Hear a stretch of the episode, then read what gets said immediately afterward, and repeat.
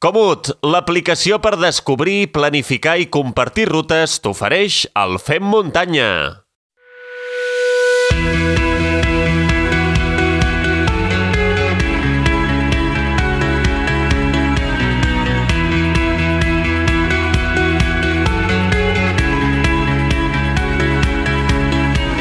El 20 de novembre arriba la onzena edició de la cursa de muntanya de Girona organitzada per Clasmarc. Per parlar-ne uns minuts ens acompanya, bueno, podríem dir ja que és un col·laborador de, del Fem Muntanya. Gerard Freixas, benvingut de nou.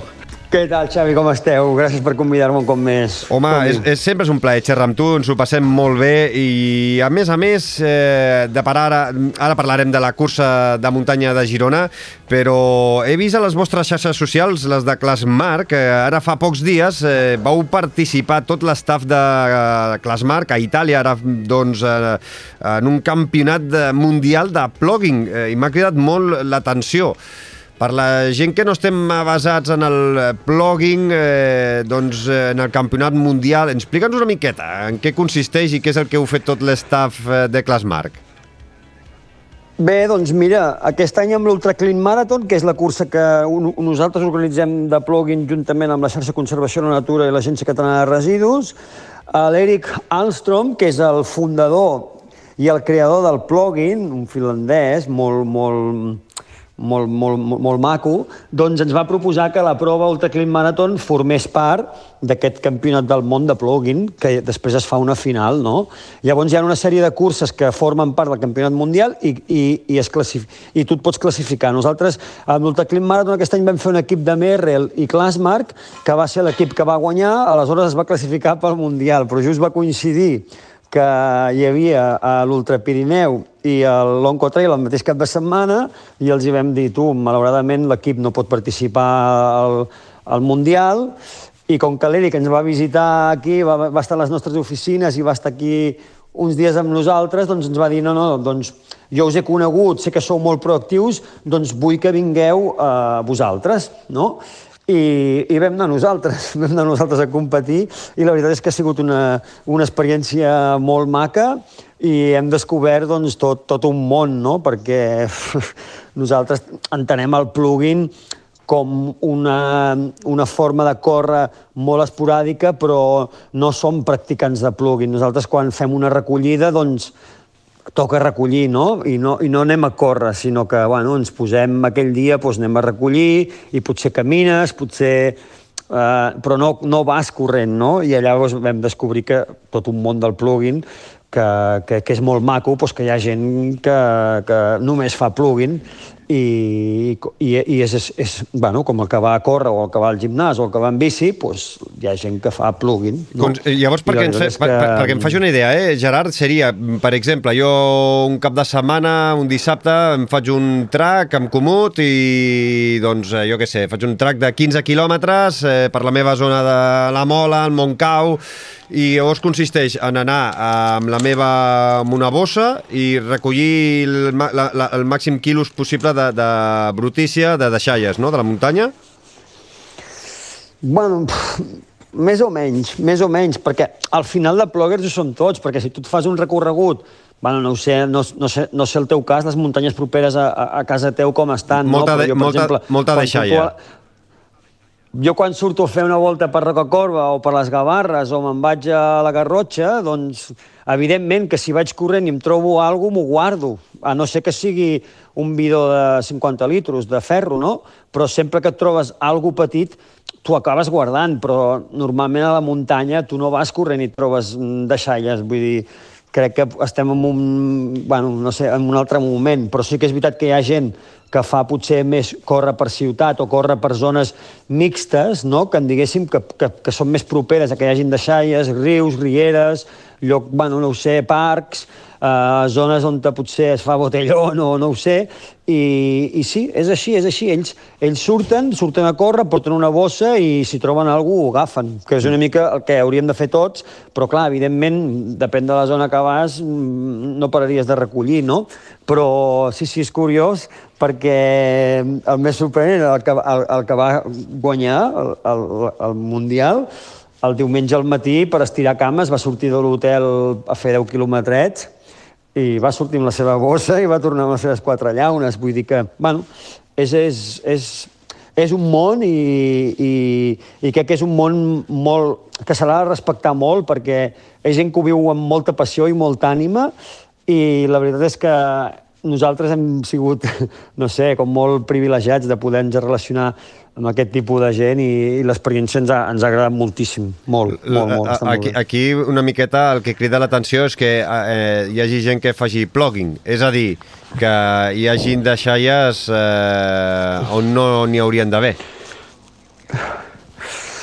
Sí, la veritat és que Lamentablement, sí. eh? Lamentablement. No, sí, també, també hem de ser realistes i aquí la gent, doncs, hi ha molta mentalitat de dir, bueno, si passo per dins un parc de la meva ciutat i hi ha una llauna, ja la recolliran els escombriaires. Vull dir, aquí mm. som molt així, també, mm -hmm. saps? Vull dir, no hi ha el xip de dir, no sé, tu te'n vas a molts llocs i diuen jo, jo, jo ja pago impostos, jo no reciclo, saps? Vull dir, jo no, jo no cullo això, ja ho colliran qui ho ha de collir, saps? Mm. Vull dir, bueno, són, bueno, són mentalitats nosaltres veiem que això ve d'un dels millors països del món, dels països subdesenvolupats, que tenim moltes coses per aprendre, i, i que és Finlàndia, i, en, i, i ens ho hem agafat molt, molt, molt seriosament en aquest sentit, perquè, mm. perquè tot el que comença al nord acaba baixant segur i, i s'ha de considerar. Mm -hmm. Sí, sí. Eh, Gerard, vosaltres, tot l'estaf eh, de Clasmarc, eh, quants quilòmetres vau fer i quants quilos vau recollir en tot aquest campionat mundial de plugging que es va donar a terme a Piemonte? Bueno, el, el, format, el format era, era curiós, eh? perquè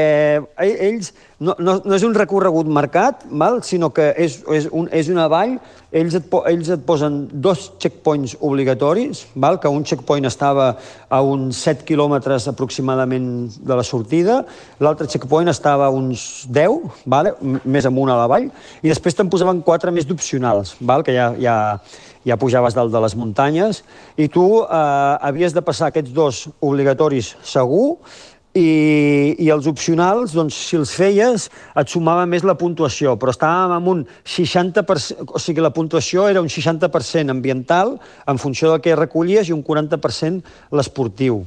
Val? Llavors, eh, aquí tu havies de sortir per on tu, pel track que t'haguessis fet, perquè t'ho comuniquen al vespre abans en el briefing, et marquen un perímetre que tu no pots sortir, i, i el que fas és, vas a fer els checkpoints que tu et sembla, més els dos obligatoris, i, i mentrestant vas recollint. Nosaltres, per exemple, vam decidir fer un checkpoint de muntanya, perquè així fèiem desnivell, que ja vam fer una pujada de 1.000, vam baixar el checkpoint obligatori i vam anar a l'altre obligatori i ens van sortir 35 quilòmetres. Això sí, et donen, et surts a les 9 del matí, s'acaba a les 4 de la tarda, i durant aquestes hores doncs, mm, tothom ha d'arribar a la mateixa hora, no pots arribar abans, perquè si arribes abans et penalitzen amb temps, i, i, bueno, i has d'anar recollint i fent quilòmetres, i com més reculls i més quilòmetres fas, doncs més et suma.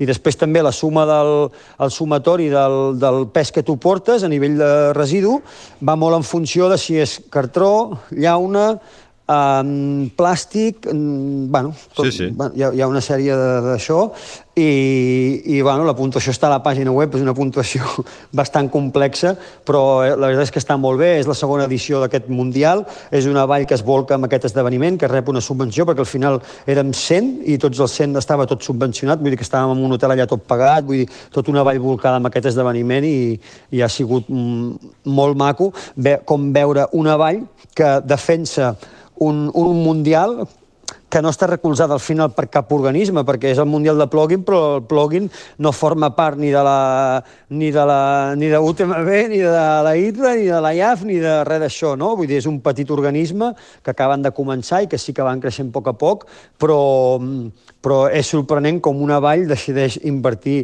aquests calés per fer per fer un esdeveniment d'aquestes característiques, no? que potser un altre podria pensar nosaltres aquí a sobre pagar, pa, subvencionar aquest d'això perquè vinguin a recollir aquí, que ens emportarem la mala imatge de que han trobat residus. Vull dir, Uh, no ho sé, ho vaig trobar molt excel·lent i per part d'Itàlia de, de felicitar-los eh, sincerament molt i molt bé. Sí, sí. Creus que, eh, per exemple, seria possible portar el, mundial, el campionat mundial de plugin aquí a Catalunya o no? Eh, vos, ja, ja que vosaltres teniu també experiència a l'hora d'organitzar l'Ultra Clean Marathon, potser, doncs, eh, no sé, com, si és possible o no de, de portar-ho aquí a alguna zona de, de Catalunya. Sí, sí, sí, sí que és possible. A més a més, és, és un... Sí, però el que passa que falta que les institucions eh, sí. vulguin eh, apoyar un projecte d'aquestes característiques, però bueno, estem organitzant l'Ultra Clean Marathon, que és l'única cursa de plugin que hi ha a dia d'avui a l'Estat, eh, que, que, amb l'Agència Catalana de Residus i, i vull dir que ja, ja és la Generalitat, vull dir que ja, ja hi ha una partida de pressupost i, i, i ja estan amb això, no? El que passa que, clar, a nivell de participació a nosaltres ens està costant molt, perquè nosaltres venim d'un país que tots són corredors de muntanya i, i és el que t'explicava a l'inici de l'entrevista, que quan tu surts a recollir, surts a recollir, quan surts, surts a córrer, surts a córrer, però combinar les dues coses costa, val? i a nosaltres mm, ens està costant molt trobar participació per, per córrer l'Ultraclim Marathon perquè a la gent doncs, els hi costa recollir corrent. Uh mhm. -huh. saps? És a dir, fer una, fer una convocatòria per fer una recollida, la gent s'entrega bé i col·labora però córrer recollint la gent li costa. Li mm -hmm. costa, li costa. Aquí doncs, encara costa molt, costa molt. Doncs eh, a veure si entre vosaltres, eh, Petjada Verda eh, i altres institucions, doncs eh, seria possible fer cosetes d'aquestes que sempre són interessants aquí a, a Catalunya. Gerard, parlem ara va, de la cursa de muntanya de Girona del proper 20 de novembre. Teniu tres distàncies, l'Express, la Trail i la Transgavarres. Eh, hi ha novetats en els recorreguts respecte al 2021? Sí, la veritat és que els recorreguts trail els hem modificat, trail i express, val? perquè, buah, ja ens encanten, eh? Mm, no sé, potser anàvem com... Les Gavarres ja ho coneixem, és un massís com Collserola, és un massís de baixa muntanya, val?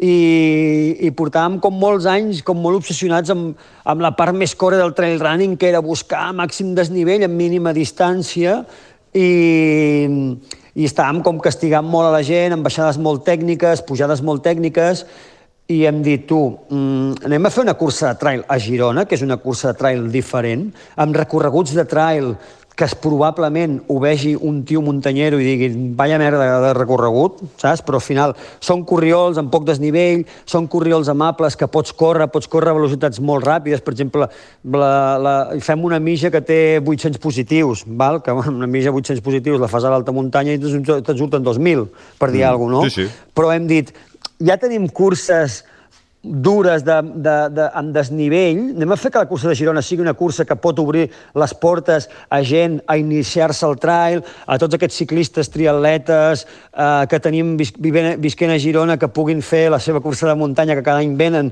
i cada any diuen hòstia, que tècnica, no? Pues, pues una mica hem suavitzat aquests recorreguts de trail i d'express, els hem fet més, més, més per tothom, val? perquè després al cap d'uns mesos ja fem Rocacorba, que és una cursa molt exigent i és una cursa de trail tant, pura i, i dura, no? I, i, i, i, i, i, per exemple, la Transgavarres l'hem deixat igual, perquè és una travessa que està molt lograda, va pel Corriol, surt de Palamós, arriba a Girona, l'hem deixat igual, hem modificat una petita cosa a l'arribada, però ja et dic, jo crec que és un cap de setmana encertat perquè estàs també, que és una mica el que ens falta, uh, obrir la porta a aquests nou corredors, nous corredors de trail que, que els has de donar a vegades una empenta i, i posar-los les coses una mica més fàcils, no tan, no tan dures, no? no? Mm, la Transgavarres que ara parlaves, eh, Palamós-Girona, eh, creuant doncs, eh, el massís de, de les Gavarres, eh, 50 quilòmetres, sí. 1.700 positius, també sí. eh, en general es pot córrer bé, no? El que passa que sí que es pot fer individualment o, o per equips, no? Sí, el Transgavarres agrada molt perquè és una cursa que la gent surt de la temporada d'estiu, temporada d'alta muntanya, de pals, de caminar, de pujades de mil positius, de baixades de mil negatius, i és una cursa que bueno, doncs et dona l'oportunitat de sortir sense bastons, de córrer, de sentir-te una mica més atleta, més ràpid, Uh, bueno, una mica el que encaixa, jo crec, amb un massís de baixa muntanya, eh? vull dir, no... Tampoc tindria sentit començar a pujar i a baixar rieres uh, sense sentit, vull dir que al final es tracta de creuar d'un punt a l'altre i creuar de la manera més directa i més divertida amb corriols més macos i ja està, no? Mm -hmm. En total, quants eh, dorsals teniu disponibles entre les tres distàncies? Doncs mira, normalment agafem 400 participants a cada distància. Mm. Que són 1.200 i, i, i a falta d'un mes i mig, eh, com va anar el, el ritme d'inscripcions? Esteu notant que costa una miqueta? Perquè en general sí. sí que és veritat que quan anem parlant amb altres organitzadors ens diuen que, ostres, aquest, aquests darrers eh, any, aquest any, darrers dos anys, està costant una miqueta més. Eh, curses que s'omplien només obrir inscripcions eh, costen. No sé vosaltres si també noteu, doncs no sé si és la crisi, si és eh, l'excés de curses que també notes, noteu que, que us costa més eh, doncs, augmentar el ritme d'inscripcions? Bueno, jo crec que nosaltres ja fa temps que ens vam centrar una mica en la qualitat, no en la quantitat. Vull dir, ja vam decidir no, no massificar les curses, val?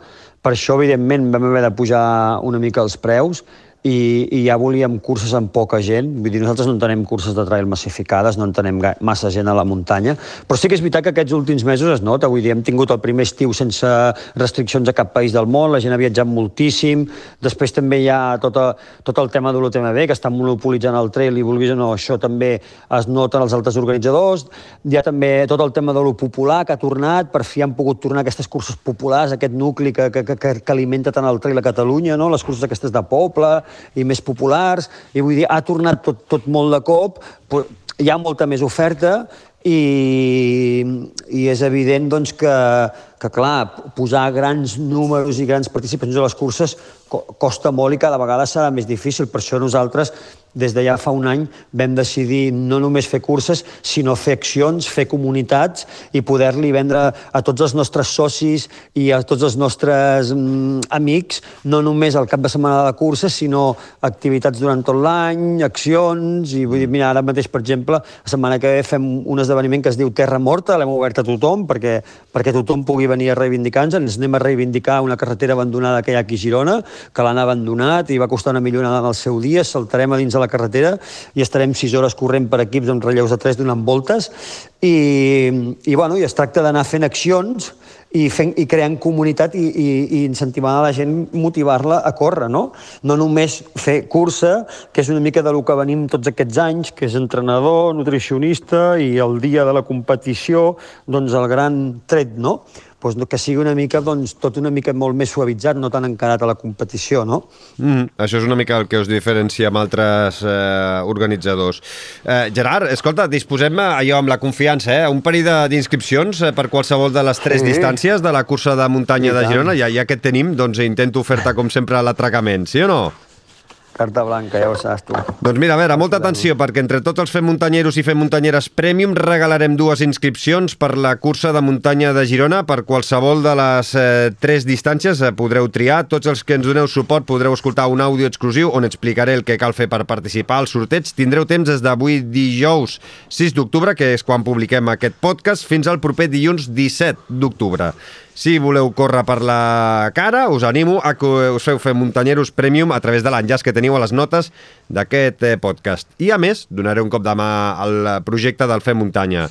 Si no teniu sort i no us voleu fer Fem Muntanyeros Premium, escolta, teniu la web classmark.com, allà us podreu inscriure i ens veurem el proper 20 de novembre a la ciutat de Girona o a Palamós, els que trieu de fer la Transgavarres per acabar a Girona.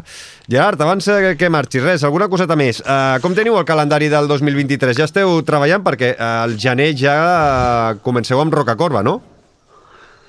Sí, mira, ara hem obert les inscripcions de Roca Corba, però ja et dic que estem pendents de, bueno, de, de comunicar un nou, un nou circuit que estem treballant per fer-lo i en breus eh, ho comunicarem.